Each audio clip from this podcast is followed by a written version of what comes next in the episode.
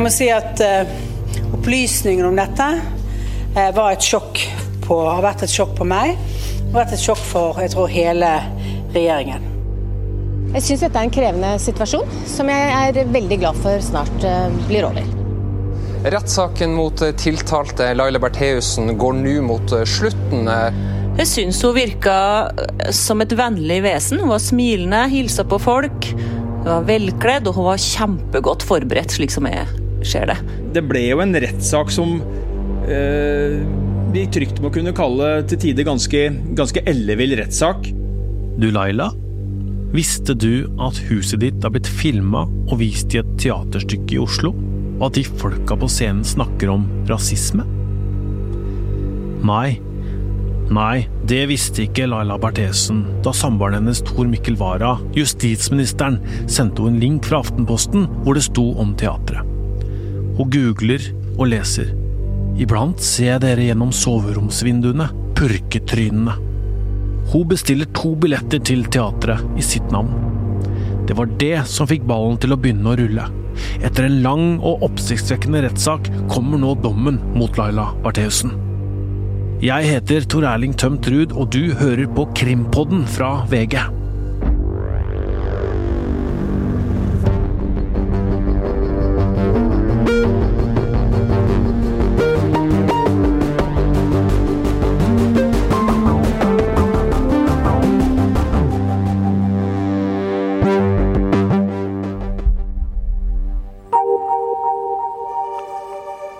Minusgrader og det blåser kaldt lørdag 24. november i 2018. Laila Anita Bertheussen er ute sammen med samboeren sin og et vennepar. De ser fotball. De er fire stykker som spiser på Mathallen i Oslo. Mennene vil ikke dra på teatret Laila har to billetter til, så det er damene som går. De har drikket cava og er i godt humør.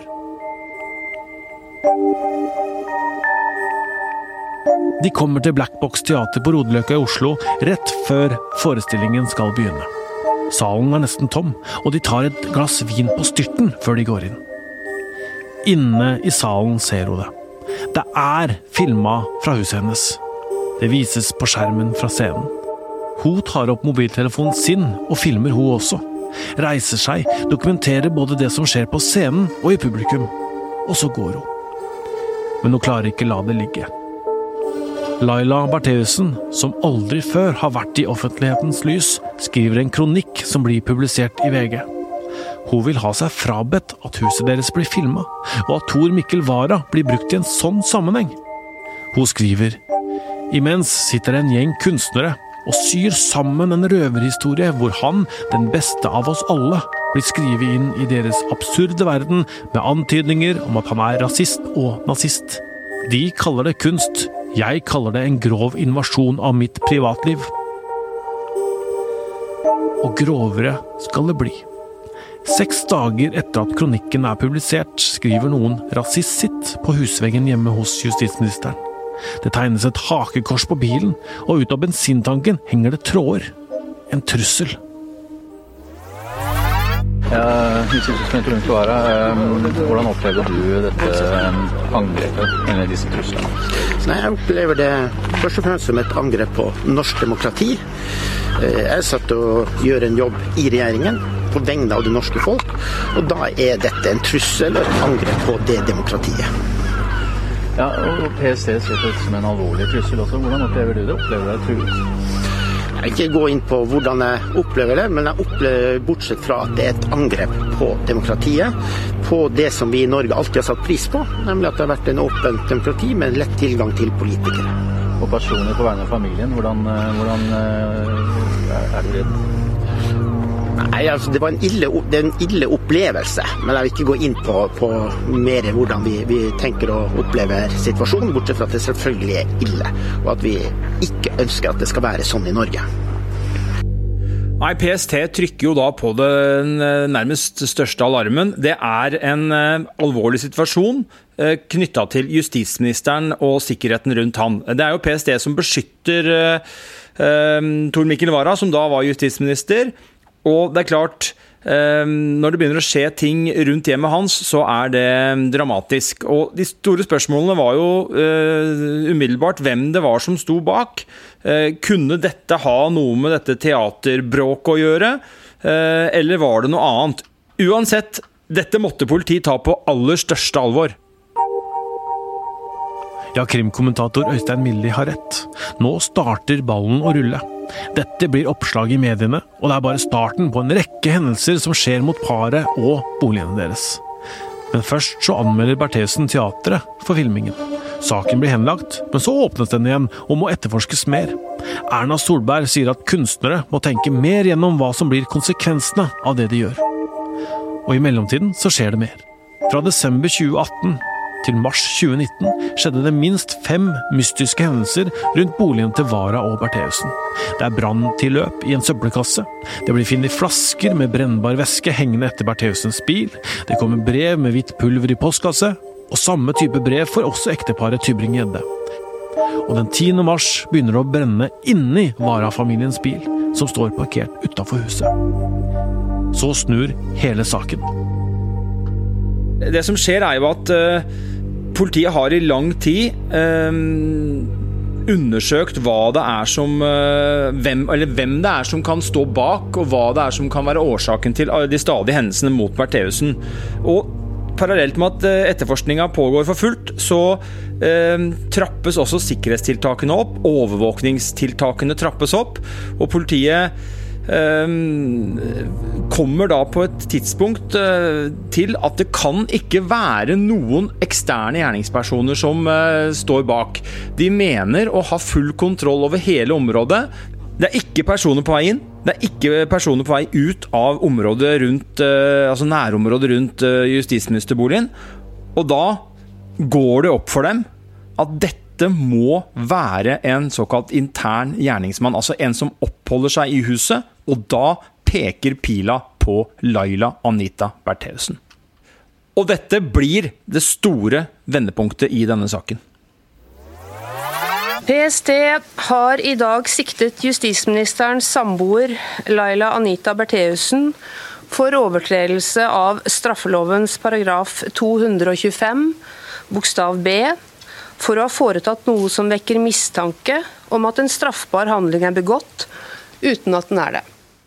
Jeg må si at uh, Opplysningen om dette uh, var et sjokk på, har vært et sjokk på meg, og vært et sjokk for jeg tror, hele regjeringen. Justisministeren går av. Det kommer flere trusselbrev i løpet av sommeren. Og så går det halvannet år. Bertheussen blir tiltalt, og rettssaken starter. Leila Bertheussen nekter straffskyld på alle punkt da rettssaka mot henne starter i dag.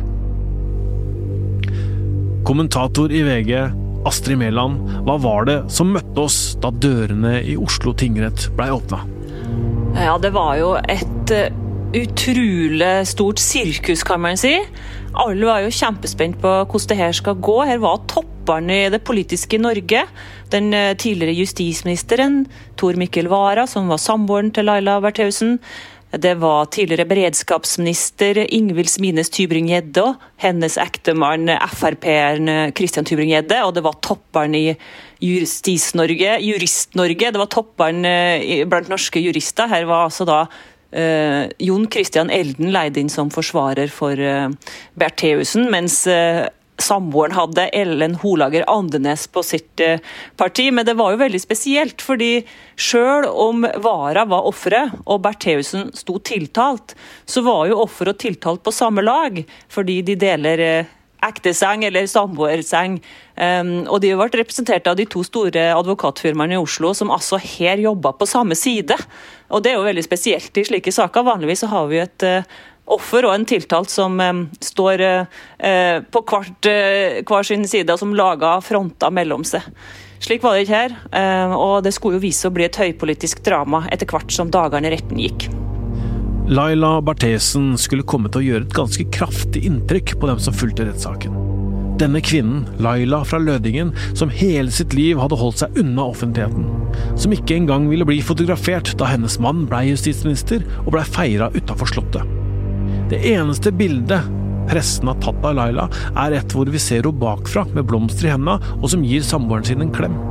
Ja, I retten fortalte hun at hun levde et uh, liv langt unna offentlighetens søkelys. Hun var jo klar over selvfølgelig at uh, samboeren var en slags politisk kjendis, og at uh, hun fortalte at pressen ofte har bedt om portrettintervju med dem, men at hun alltid hadde takka nei fordi at hun verna så om privatlivet sitt. Hun sa at da de var sammen, ble sammen, i 1994 så var pressen på utkikk etter dem, og de var interessert i at Tor Mikkel Wara, som var en Frp-stjerne, Eh, hadde fått seg kjæreste, men da var det en del som tok feil og skrev Linda. Uh, og Laila Anita Berthesen sa at hun var godt fornøyd med at uh, pressen trodde at Tor Mikkel Wara bodde sammen med en som het Linda, til tross for at uh, hun da fortalte at hun var svært forelska i han. Hun ønska altså ingen oppmerksomhet. Hun ville aldri bli avbilda. Det gikk aldri noe særlig sammen på politiske hendelser. Hun fortalte at hun i, disse, i alle disse åra har vært på julebord med mannen en gang i sånn politisk sammenheng. Laila skulle nå entre scenen for å gi sin forklaring på hva som hadde skjedd. Da hun først kom inn i salen, hvordan var hun? Jeg syns hun virka som et vennlig vesen. Hun var smilende, hilsa på folk. Hun var velkledd og hun var kjempegodt forberedt, slik som jeg ser det. Hun har jo med seg samboeren støttende ved sin side og sitt forsvarerteam og hans sitt forsvarerteam. Um, så var det jo dette med at hun sto hele tida, sånn som uh, vi har nevnt mange ganger i pressen. Og hun starta jo med å forklare om sin uh, sykdomssituasjon. og Forklarte at det var noe som heter nekrose, som hun har i hoftene, som gjorde at hun ikke kan sitte. Um, I tillegg så var hun nok litt nervøs. Uh, hun sto og klemte på en sånn svart og hvit stressball, det gjorde hun i hele rettssaken. Hun måtte ofte drikke, hun måtte ofte ta pauser. Eh, men da hun starta sin frie forklaring, så var hun ja, kan vi si briljant, da. Eh, det var jo den kjente fortellinga som vi fikk lese om i pressen, om Laila fra Løddingen. Hun starta med barndommen og sa at hun har en eh, god oppvekst. At hun har veldig masse energi, at det var mange som kalte henne for en tomboy, altså en guttejente. Men hun sa at hun ikke likte det noe særlig, fordi hun er feminist, og at hun var med på alt i barndommen. Også på, um, på, oppgaver som ofte var forbeholdt menn og gutter. Og på sang, eh, speideren i musikken i sangkoret, til tross for at hun var tonedøv. Og så fortalte hun nesten fnisende om da hun møtte Tor Mikkel Wara ute på byen i 1994. En skjønn mann, sa hun i retten, og hun sa at hun falt pladask. Um, denne Framstillinga gikk egentlig veldig lett. Det virka som en slags fri fortelling som hun fortalte med, med glede, delvis. Eh, men jeg tror ingenting av det hun sa i sin frie forklaring var tilfeldig. For hun kom allerede her inn på eh, forklaringa på alt det som virka merkelig i saken. Hun fletta det inn i fortellinga som en slags naturlig eh, del av den. Men dermed kom hun både inn på det at hun var mer og mer bundet til huset pga. sykdommen, og at hun måtte lære seg å lage mat fordi hun ikke hadde noe annet å drive på med. Vi hørte jo i innledningsforedraget at hun sa en del ting, kom med noen opplysninger både om hvordan hun tenkte og hvordan hun levde, som vi vel kanskje ikke helt forsto betydningen av, og stilte oss nærmest litt eh, spørrende til hvorfor hun eh, mente at dette var noe retten måtte vite. Men så dukka det jo opp ting underveis som gjorde at eh, brikkene falt på plass, og vi forsto betydningen av, av ting hun fortalte veldig tidlig i denne rettssaken.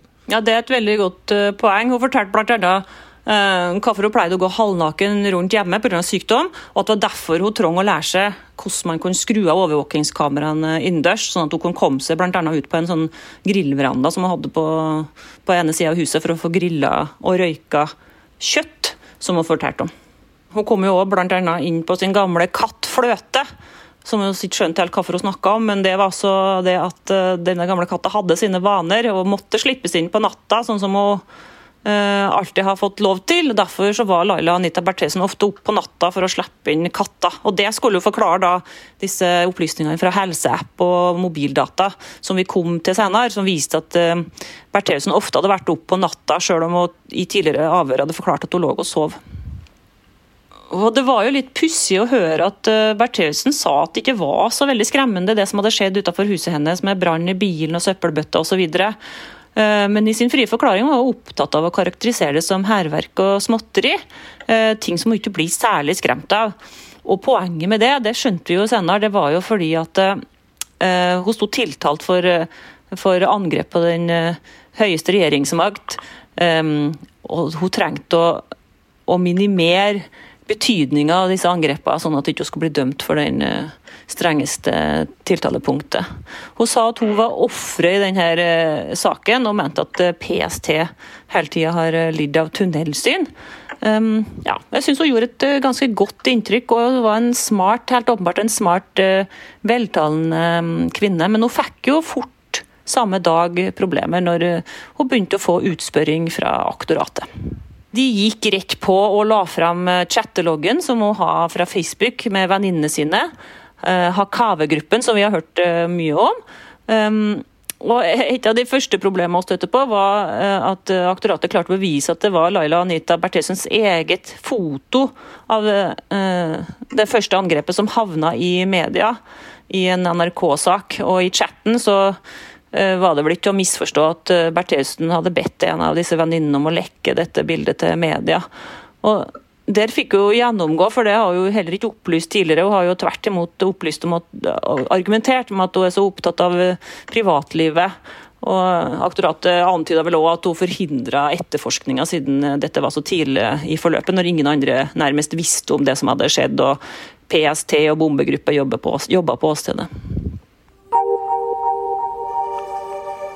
Kan man forstå at Laila blei så opprørt over teatrets filming av huset, og måten de blei fremstilt på?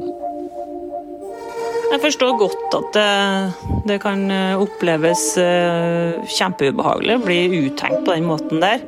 Jeg tror det føltes veldig invaderende for Bertheussen, og også for en del av de andre som var avbilda i det teaterstykket.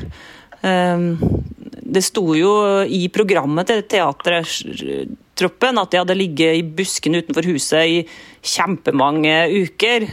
Det var åpenbart ikke sant, men det var vanskelig for folk å skjønne hva som var fiksjon i det teaterstykket, og hva som var virkelighet, for de blanda jo de to tinga. Teaterfolka jo, kom jo senere i retten og, og mente at uh, Norge hadde misforstått dem og syntes vi var ganske dumme alle sammen som tok uh, ting bokstavelig. Men du må jo nesten ha en sånn doktorgrad i teatervitenskap for å skjønne de forskjellige referansene som de brukte. Jeg skjønte dem heller ikke når det var snakk om karakteristikker av dem som bodde innenfor, innenfor disse husveggene. Så var det jo eh, purketryner og osv. Ganske stygge ord. Det var jo da noe som teaterfolka mente uh, overhodet ikke var retta mot uh, varer. Men det var ikke så enkelt å forstå. Så jeg skjønner godt det. Det var jo snakk om at de har tatt opp mye mer film enn um, enn de um, hadde brukt på teaterstykket. Og Bertheussen argumenterte med at hun politianmeldt eh, teatertroppen for at hun ville ha ut råmateriale og se hvor mye de eh, har filma. Men eh, i tillegg til det så må jeg jo legge til at teatret fikk jo virkelig gjennomgå um, altfor mye. De ble jo offer for en politietterforskning, og det ble henlagt. Men så ble saken gjenopptatt fordi at eh, politikerne eh, styra så mye med det. Til og med Erna Solberg var jo ute og sa at uh, denne teatertruppen burde tenke seg om før de brukte slike virkemiddel. Og det var kjempetøft for dem, for de var jo reelt redd for å bli Um, frama, som det heter på godt norsk. Altså, de trodde at uh, de kunne bli pålagt skylden for det her. Eh, sånn som de oppfatta det, så var jo hensikten med alle disse angrepene utenfor eh, huset til Vara Bertheussen å gi teatertroppen eh, skylda.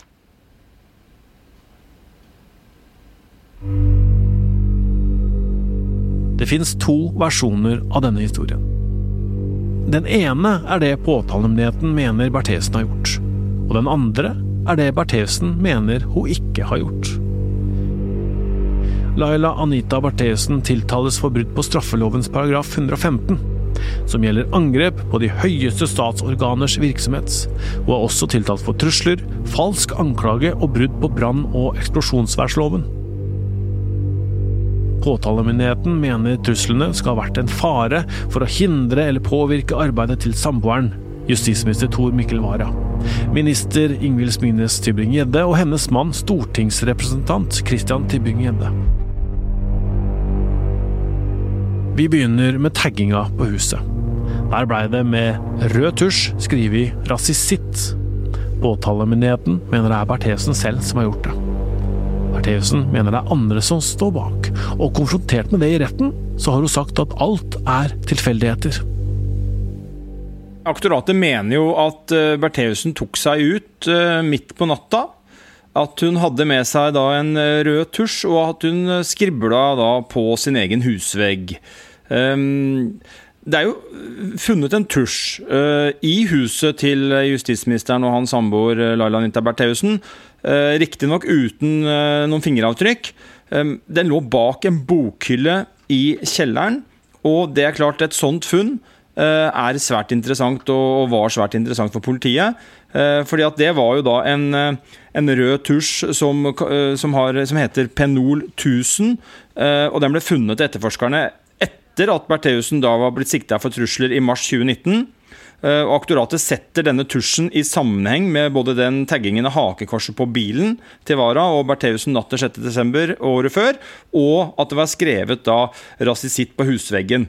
Eh, og Her har man jo gjort da kriminaltekniske analyser som trekker i retning av at det kan være en akkurat nettopp en sånn type tusj som er brukt på både veggen og, og bilen. Um, og det er jo da Eh, både brukt tusj og, og sprayflaske ifølge tiltalen. og Det er noe av det som da eh, retten må ta stilling til når dommen kommer i morgen, om, om dette stemmer. Og så er jo Et av aktoratets viktigste bevis er jo denne helseappen på mobilen til Laila Anita Bertheussen. Uh, og det, det, er jo kanskje ikke noe som så veldig mange hadde noe bevisst forhold til før denne saken, men det er jo sånn at mobilen vår den registrerer uh, nær sagt alt vi gjør, uh, så lenge vi har den med oss, selvfølgelig, av bevegelser. Og denne informasjonen den, den mener jo politiet at kan knytte henne til minst to av de trusselhendelsene utafor huset. Og det er bl.a. denne tagginga. Og appen den, den er ganske presis. Den registrerer antall skritt. Eh, den eh, eh, forteller noe om når skrittene ble tatt. Og det å undersøke slike helseapper i etterforskningen i straffesaker, det er noe ganske nytt og litt nybrottsarbeid som gjør at politiet har enda et verktøy de kan benytte når de skal forsøke å kartlegge hva som har skjedd.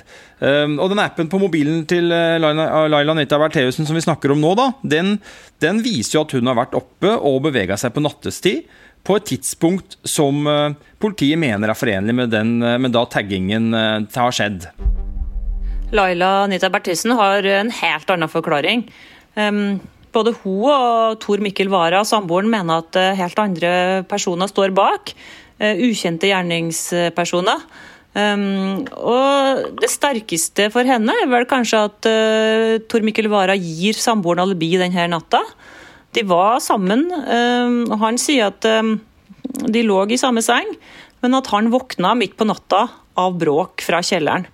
Ehm, han hadde hørt lyder og måtte gå ned for å sjekke hva det var for noe. Han trodde kanskje at det var noe materiale fra, som hadde falt ned fordi at de hadde håndverkere i, tid, i, kjelleren på det tidspunktet. Så han gikk ned, tok på seg morgenkåpa og gikk ned. Og da sov Laila, sier han. Han ble spurt om det her eh, mye i retten, da, om han huska helt konkret eh, at hun var der. Ehm, og Det gjorde han kanskje ikke, men han sier at han ville merka det hvis eh, Bertheussen hadde gått ut av senga, ikke var i senga mens han lå og sov. Um, Sjøl forklarte hun at hun ikke huska noen ting. Hun hadde tatt sovemedisin og tar det omtrent hver kveld pga. problemet med å sove. Og at hun er sover veldig tungt, vanskelig å få vekka henne. Hun trodde at hun sov den natta her òg. Det var vel det hun sa først i avhør, men så kom vi da inn på den helseappen som Øystein snakka om. Den viser jo at hun var oppe og gikk i totida. Og hun husker fortsatt ingenting av det. Men i ettertid, da, når hun har blitt forelagt helseapp-opplysninger, så er teorien hennes at hun tenker at hun kunne ha sovna på sofaen, sånn som hun ofte gjør. At hun har våkna og rydda før hun la seg.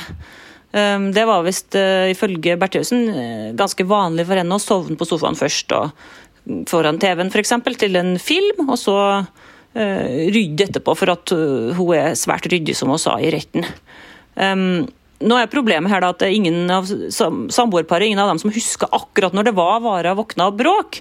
Um, det virka på meg som at de i avhør og i tidligere sammenhenger hadde anslått at det var rundt to-tre, men i retten så sa begge to at det var rundt fire. Nå må det legges til at, at det er stor usikkerhet, det er bare anslag, og de er ikke sikre på om de har sett, sett på klokka engang. De bare tippa det her. Um, og Den store forskjellen her er jo da selvfølgelig at helseappen uh, til Berthesen viste aktivitet mellom to og halv tre den natta. Uh, og var, Det var òg mobilaktivitet uh, på det tidspunktet. Hun, hun gjorde flere Google-søk, bl.a. på Blackbox-teatret. Um, så det er da viktig for dem å, å, si at det var rundt 04.00, for da var det jo ingen aktivitet på, på helseappen eller på mobilen hennes. Ehm, politiet har jo lagt til grunn at, eh, at skjedde, ugjerningen skjedde rundt totida. Det er jo basert på helseappen til Bertheussen. Eh, og så er Laila Bertheussen også opptatt av andre ting. Forsvaret har nevnt at det var fotspor i størrelse 40 avsatte gresset. Det var ikke snø på det tidspunktet. Ehm, og det passa ikke til Bertheussen. Ehm, de fant òg en blå lue utenfor huset. Eh, og den hadde mannlig ukjent DNA, så det er fortsatt ingen som vet hva hvem som eier den lua. Så altså, Forsvaret tilbyr ingen forklaring på det her, men de, de sier at eh, det finnes andre muligheter, andre gjerningsmenn. Det er utrolig hvor mye etterforskning politiet har gjort i denne saken. her. De har bare annet funnet ut hvor mange røde tusjer som selges i Norge per år. Og de har funnet ut at av disse så er det rundt 2700 av den typen som Bertheussen har bak bokhylla si i kjelleren. Og Bertheussen sin forklaring på det er at eh, ja, det er mange slike tusjer som selges hvert år. Og hun sjøl eh, er ivrig eh, hobby er ivrig med hobbyprosjekt, og hun sa at hun har mellom 200 og 400 tusjer i huset. Og at dattera hennes òg har mange tusjer. Um, og Hun avviser jo blankt at det er den tusjen som ble funnet bak bokhylla som var brukt til å skrive og tagge på huset og på bilen. Da. Hun har ikke noe kjennskap til akkurat den uh, tusjen. Og så er det jo slik at uh, De sakkyndige Kripos som har brukt så masse tid på å undersøke den tusjen, de tror at det er sannsynlig at det kan være samme tusj, men de er jo selvfølgelig ikke 100 uh, sikre. Det er nesten umulig å være i en sånn teknisk undersøkelse, tror jeg, akkurat når det gjelder tusjer. Det har vært mye snakk om trusselbrev sendt både til Vara og Berthesen, og også til Tybring-Gjedde-paret. Påtalemyndigheten mener at Bertheussen sendte fire brev. Det første blei ifølge tiltalen sendt kort tid før 17.1.2019 til Vara og Bertheussens adresse. Innholdet i brevet var skrevet med bokstaver klippet ut fra aviser. Det sto 'Trekk anmeldelse'. Neste gang får vi det til. Noen ord i blokkbokstaver, andre er med små bokstaver. I tiltalen blir brevet satt i sammenheng med at Bertheussen hadde anmeldt dette teaterstykket Ways of Seeing for bl.a. hensynsløs atferd. Det neste brevet ble ifølge tiltalen sendt 29.1, og ble postlagt med adressen til samboerparet. Brevet var ifølge tiltalen påført et brennmerke. Samme dag ble det lagt et ark med identisk tekst i postkassa til stortingsrepresentant Christian Tybring-Gjedde og minister Ingvild Smines Tybring-Gjedde. Det fjerde brevet skal Bertheussen lagt i sin egen postkasse 2.3.2019, eller tidligere. Der skal hun ha skrevet følgende. Jævla rasister, vi ventet på dere. Du og den feige Frp-hora turte ikke komme. Vi venter på dere. Her var det også et hvitt pulver oppi. Altså, Aktor viste jo i retten til eh, at skriftgranskere har undersøkt eh, disse brevene med dette pulveret. Eh, og Det er gjort to analyser av samme brev, eh, og den ene er da utført av Kripos. Eh, den andre er gjort av skriftgransker Reidun Wilhelmsen, og det, det, skjedde etter anmodning fra forsvarerne. Og så er det jo sånn at Begge mener at det er en likhet, altså at det er en mulighet for at det er Laila Anita Berthesen som har, har skrevet brevet. Men Kripos-konklusjonen, den er, er, sterkest. Den ene analysen sier at det er en viss grad av likhet mellom den skriftprøven som Bertheussen avga, og brevet. Det vil si at det er en ja, sannsynlighetsovervekt, men den er ikke så sterk, så vi kan kanskje tenke oss han er si mellom 50 og 60% for å tallfeste det. Mens Kripos sin konklusjon eh, er at resultatene taler sterkt for at den omstridte skriften er utført av siktede, og viser til at brevet truslene er skrevet på, er av samme type som ble funnet hjemme hos Bertheussen. Men det er jo selvsagt en nøtt, da, dette her. fordi at det er jo ikke noe fingeravtrykk, og det er ikke noe DNA på brevet. Ikke på postkassa. Eh, så man har ikke noe eh, mer å gå på der. Eh, og så viste jo da dette pulveret å være fra to ulike typer eh, medikamenter. I disse brevene så tar jo en ukjent gjerningsgruppe på seg ansvaret for alle gjerningene. Um, og de sier at det var gøy i starten. Skriv på gebrokkent norsk, engelsk. Uh, og vedkjenner seg ugjerningene, men at de etter hvert angrer på det de har gjort, fordi at det har vært, blitt så tøft for uh, samboerparet Vara Bertheussen. Så de sender tilsynelatende inn bevis på at de har gjort det Um, og sier nærmest unnskyld og vil ha saken oppklart, sånn at Bertheussen kan gå fri. Så var det dette med rødspriten. Påtalemyndigheten mener Laila tente på bilen med rødsprit. Nei, det er jo verdt å nevne at uh, aktoratet mener Bertheussen på et tidligere tidspunkt, 11.2.2019, laget noen tøyremser og festa dem til flasker med bensin. Bak på samboerparets bil. Men disse flaskene ble jo oppdaga av politiet som holdt vakt ved boligen da hun kom hjem. Eh, og da hang det altså da flasker eh, Nei, unnskyld, da hang det altså da tøybremser bak bilen hennes. Eh, og så kom vi jo da til 10. mars. Klokka den var halv to på natta. Påtalemyndigheten mener da at Bertheussen starta en brann i bagasjerommet på familiens bil. En Eh, det var vel en Ford, eh, så vidt jeg husker. Det ble brukt rødsprit, opptenningsposer og åpen ild, og det ble også ripa inn rasist på bakskjermen. Eh, brannen ble jo oppdaga og slukka tilfeldigvis av forbipasserende. Og dette her skjedde jo mens Vara var i utlandet. Og politiet fant jo ut i løpet av etterforskningen at Bertheussen hadde kjøpt rødsprit, og det er klart at det var et interessant funn. Ja, Dette er den verste saken rent bevismessig for Bertheussen. Den er vanskelig for henne. Um, hun forteller at uh, Tor Mikkel Wara var bortreist. Han var på guttetur for å se fotballkamp i Liverpool den helga, og hun skulle ha en uh, kosehelg for seg sjøl hjemme alene i Oslo.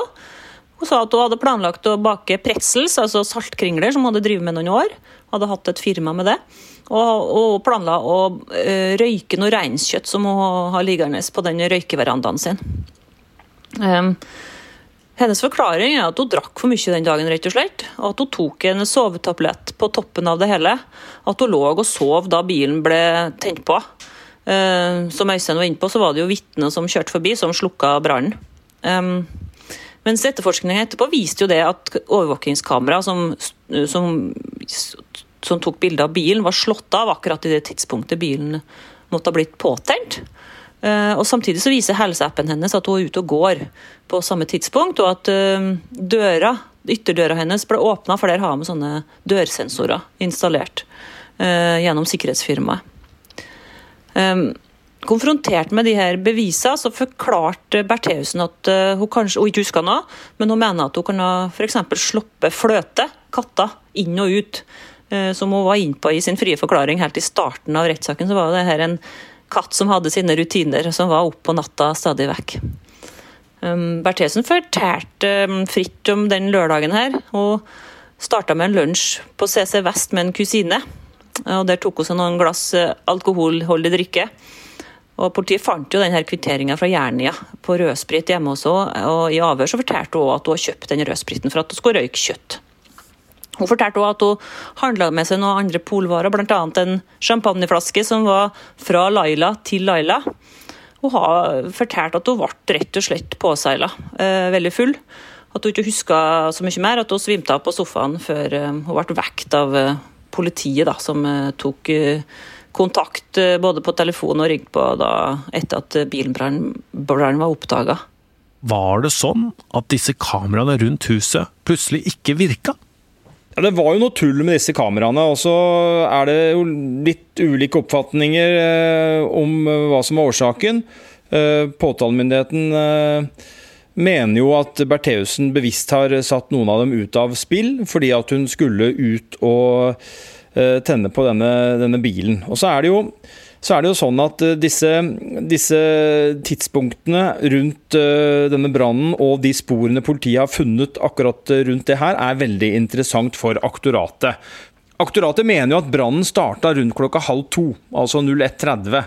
Uh, og da har man flere elektroniske bevis som man ser hen til, og som man finner interessante. Det ene er da denne dørsensoren, som viser at den uh, åpnes og lukkes fire ganger mellom midnatt og 01.40. Altså Siste gangen er ca. ti minutter etter at politiet mener brannen er påsatt. Den andre er denne helseappen. og Den viser jo da i tidsrommet 01.10 til 01.32 Eh, og det er da bare to minutter etter at politiet mener brannen er påsatt, eh, så stopper den å bevege seg, eller registrerer bevegelser. Og da er det gått 655 skritt. Og dette syns jeg er et godt bilde på det politiet i en etterforskning eh, bruker mye ressurser på. Og det er jo å enten sannsynliggjøre Eh, at det kan være eh, altså at det kan, Eller prøve å, prøve å usannsynliggjøre i denne sammenheng da, at det er noen andre personer enn Bertheussen som kan ha gjort dette her. Eh, og da Eh, er det jo, så er det jo sånn, da, med også dette punktet, at uansett hvilke bevis politiet la fram i denne saken, eller påtalemyndigheten la fram i denne saken, så hadde jo Bertheussen en forklaring. Det var aldri sånn at hun endte opp med å si at 'det vet jeg ikke, det kan jeg ikke si noe om'. Hun hadde alltid en forklaring på hvorfor disse bevisene som politiet og påtalemyndigheten la på bordet. Eh, hva slags forklaring, Hun hadde en forklaring på hva det de innebar, men uten at det handla om at hun hadde begått noe av det hun er anklaga for.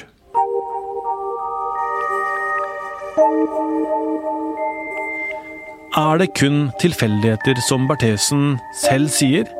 Eller er det for mange tilfeldigheter at det er usannsynlig at det er tilfeldig? Det er ikke til å bli helt klok på. Nei, altså Dette er jo en indisiesak. Eh, en, indisie, en beviskjede, som det også kalles. Eh, det er ingen enkeltstående fellende bevis, og retten eh, har nå da brukt alle disse ukene siden tingretten var ferdig med behandlinga, til å vurdere alt av informasjon som, har, som retten har blitt forelagt. og det man må spørre seg, er jo eh, Er det eh, tilfeldig når ting skjer én gang, og man kanskje tenker at det er litt rart? Eh, to ganger, tre ganger, fire ganger, fem ganger, seks ganger. Og så må man vurdere hver enkelt Samtidig som man skal vurdere hver enkelt, hvert enkelt moment, så skal man jo også se samla på bevisbildet. Og Da må man jo spørre seg om er, er Bertheussens forklaringer på alle disse hendelsene og alt det som påtalemyndigheten mener peker mot henne, kan alt være tilfeldig, eh, eller er det så mange hendelser at det er nødt til å være slik at hun har eh, en rolle, og at det er hun som er gjerningspersonen. Og så må vi huske på at Beviskravet det er strengt, sånn at man må være helt overbevist om at dette er eh, sånn at Bertheussen er skyldig for å dømme henne. Eh, hvis retten er i tvil, så skal hun frifinnes. Ehm, så, så dette, er, dette, er, en klassisk sak eh, som det finnes ganske mange av, hvor man ikke har disse DNA-sporene eller fingeravtrykkene eller eh, overvåkingsbildene eller noe annet av vitneforklaringer som på en måte låser en gjerningsperson til en, til en handling. Her er det et puslespill som retten er nødt til å legge, og, og finne ut av til slutt da om, eh, om, de mener at hun er Om det er sikkert nok at hun være, er skyldig, eller om det er usikkerhet som gjør at hun skal frifinnes. I retten utspilte det seg også et annet drama som hele offentligheten ble vitne til. Et politisk drama. Det utvikla seg en isfront mellom fornærmede Ingvild Smines Tybring-Gjedde og tiltalte Laila Bertheussen. For Tybring-Gjedde-paret hadde jo også mottatt trusselbrev. Tybring-Gjedde, hvordan blir dette? Nei, Det har jeg ingen kommentar til. Hvordan har prosessen vært? Jeg syns dette er en krevende situasjon, som jeg er veldig glad for snart uh, blir over. Hvordan ser du på den første uken som kommer nå? Det kan du jo selv tenke deg. Ja, Det forandra dynamikken uh, i rettssaken uh, da ekteparet Tybring-Gjedde kom inn. For i begynnelsen så var det jo slik som jeg fortalte om, at eh, ofre og tiltalte var på samme lag. Det var umulig å få noe brodd. De var enige om alt. Men da Smines Tybring-Gjedde vitna, og ektemannen uh, senere, så fikk vi jo høre om uh, et ektepar som var livredd, som ble sykmeldt, uh, som ikke torde å kjøre bil lenger, som var svært redd. Og det var jo veldig uheldig for Bertheussen, fordi hun sto jo tiltalt for eh, angrep på de høyeste statsorganer, de høyeste, altså regjeringa og stortingsrepresentanter. Det var viktig for Laila Bertheussen å, å, si at det ikke var så veldig store angrep det var snakk om. Hun kalte det for hærverk og øh, ungdomsstreker osv. Og, så og var jo svært tydelig på at hun sjøl aldri har vært noe særlig redd pga. det som skjedde, med trusselbrev og brann i bil og søppelbøtte. Um, og da gikk, kom det jo så langt at eh, Laila Bertheussen kalte Simines Tybring-Gjedde for et persilleblad. Altså implisitt at Simines Smines overdrev, var skjør og redd, og ikke ble vært uh, reagert slik på de truslene som kom. Um, og senere så kalte hun vel òg ekteparet for hodeløse gjess. Altså som sprang rundt og virra og som var livredd. Og hadde behov for å Uh, underdrive eller Hun ha et behov for å si at det ikke var noe å være redd for. Det gjorde jo inntrykk på retten, i hvert fall på meg. Det, jeg syns ikke det var noe rart at Smine Tybring-Gjedde var redd for å få et trusselbrev i posten, så det virka litt lite empatisk fra Laila Anita Bertheussen sin side. Hun kom sammen med sin eh, samboer, eh, tidligere justisminister Tor Mikkel Wara. Hun kom også sammen med eh, forsvareren Jon Christian Elden, som vi ser her i bildet. Og hun hadde på seg da et sort munnbind som dekka store deler av ansiktet hennes. Og I tillegg da, så hadde hun med seg ei blå tøyveske hvor jeg kunne se det var bilde av henne på ene sida. Det bildet som har blitt brukt mye i norske medier. Og på den andre sida var det en tekst fra PSTs politiadvokat eh, Thomas Blom. Bertheussen ville ikke gi intervjuer eller snakke med pressen. Hun kommuniserte med vesker. Ja, jeg la egentlig ikke merke til veskene eh, så godt i starten. Jeg burde vel fulgt med enda bedre, for det var nye vesker hver dag. hun la dem på pulten i rettssalen, slik at pressen lett kunne avbilde dem. Og Det var alltid spennende å se hva som sto på dem. Um, hun har ofte også en annen versjon på andre sida av veska, som hun snudde i pausen, sånn at vi kan ta bilde av andre sida. Um, og Her eh, kom det jo forskjellige beskjeder. Um, den aller siste veska husker jeg veldig godt. Der var det uh, kryssa av for at uh, Kaffer Bertheussen var uskyldig, og det var jo fordi at PST hadde tunnelsyn osv. Og, og en gul veske med Donald Ducknebb. Og ha ei veske der det sto at hun var feminist, ja visst. Og så har hun en veske med bilde av Skrik på, altså Edvard Munchs maleri, bare at det var en slags smiley. Der det sto eh, flere diagnosekoder. Den ene var diagnosen for tunnelsyn, som hun da antageligvis mener PST har. Og den andre var diagnosen for um, dramatiserende personlighetsforstyrrelse. Det var en sånn tallkode og bokstavkode. Jeg googla den, og så så jeg at det var for den type personlighetsforstyrrelser. Da visste ikke helt hva det skulle bety. Var det Bertheussen selv som innrømte at hun har den personlighetsforstyrrelsen, eller var det eh, ment på offeret Ingvild Smides Tybring-Gjedde, som hun tidligere hadde vært eh, ute etter og angrepet for å vært skjør og redd. Og jeg tippa nok og heller nok mot at det var et pek til um, Smides. Men slik kommuniserte hun altså med oss, selv om hun ikke ville bli verken fotografert eller uh, intervjua, så ga hun tydelig budskap i retten hver dag. Rettssaken mot eh, tiltalte Laila Bertheussen går nå mot eh, slutten. Eh, sluttprosedyrene er nå over, og det er kun replikker som gjenstår. Og eh, Også i dag kunne vi se at Laila Bertheussen dukka opp med et eh, egetprodusert tøynett med en tydelig referanse til denne straffesaken. Hun pleier jo å legge disse nettene ved sida av plassen sin, så de er godt synlige for oss i pressen. Og I dag så ser vi at hun eh, naturlig nok ønsker fokus på at det finnes ingen enkeltstående fellende bevis, eller en såkalt 'smoking gun', som det blir kalt i denne saken. Og Her har jo Laila Bertheussen et eh, poeng. Det finnes jo ingen DNA-spor eller fingeravtrykk som kan knytte henne direkte til eh, disse ulike trusselhendelsene. Bertheussen var jo voldsomt offensiv uh, når hun forklarte seg.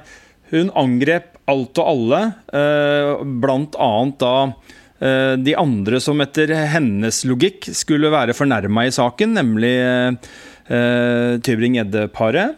Og det, det, ble jo en rettssak som uh, de trygt må kunne kalle til tider ganske, ganske ellevill rettssak. Uh, jeg har aldri sett maken til opplegg hvor en så offensiv tiltalt er i, i vitneboksen. Talefør. Alltid et svar, uansett spørsmål fra to ganske mm, erfarne, eller veldig erfarne aktorer, aktorer så var det alltid svar.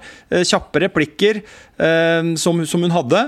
Um, og, og dette bakteppet som Astrid snakker om, med, med First House og um, ganske, eller ikke bare ganske, men tunge politiske uh, aktører, da, som, uh, som Tor Mikkel Wara, som uh, da samboer til, til, tiltalte i en straffesak hvor paragraf 115 er tatt fram. Det er klart dette er noe vi aldri har sett maken til.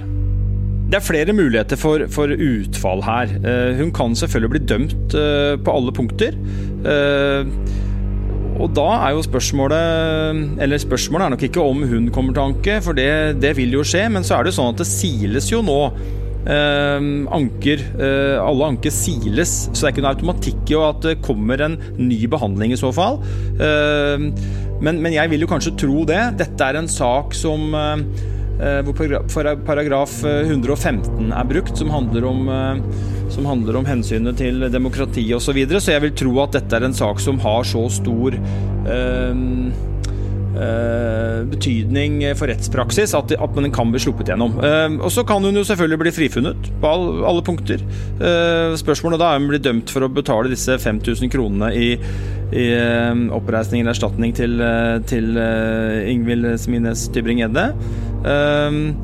Så, så, så, det er jo Jeg må jo si at jeg er veldig, veldig, veldig spent på hva som kommer i morgen. Det har vært en helt unik rettssak, og nå endelig kommer dommen. Og det blir veldig spennende å se hva, hva disse dommerne som har sittet nå i uker og måneder og eh, landa på en konklusjon, eh, har å si. Vi har vært i kontakt med folka rundt eh, Laila Bertheussen, Tor Mikkel Wara og Ingvild Smines Tybring-Gjedde. Men eh, ingen av dem har lyst til å bli intervjua i Krimpoden nå, før dommen. Fredag 15.1 så kommer dommen mot Laila Bertheussen. Krimpodden kommer da med en ekstra episode så snart dommen har falt. Og vi er også tilbake med en ny episode neste torsdag. Produsent for podkasten er Vilde Våren. Astrid Mæland og Øystein Milli fra VG har vært med. Research av Nikoline Mevasvik Haugen og Ingeborg Huse Amundsen. Jeg heter Tor Erling Tømt Ruud. Ronny Furuvik har laga musikken, og Magne Antonsen er teknisk ansvarlig. Meld deg inn i vår Facebook-gruppe. Du finner den hvis du søker på Krimpodden.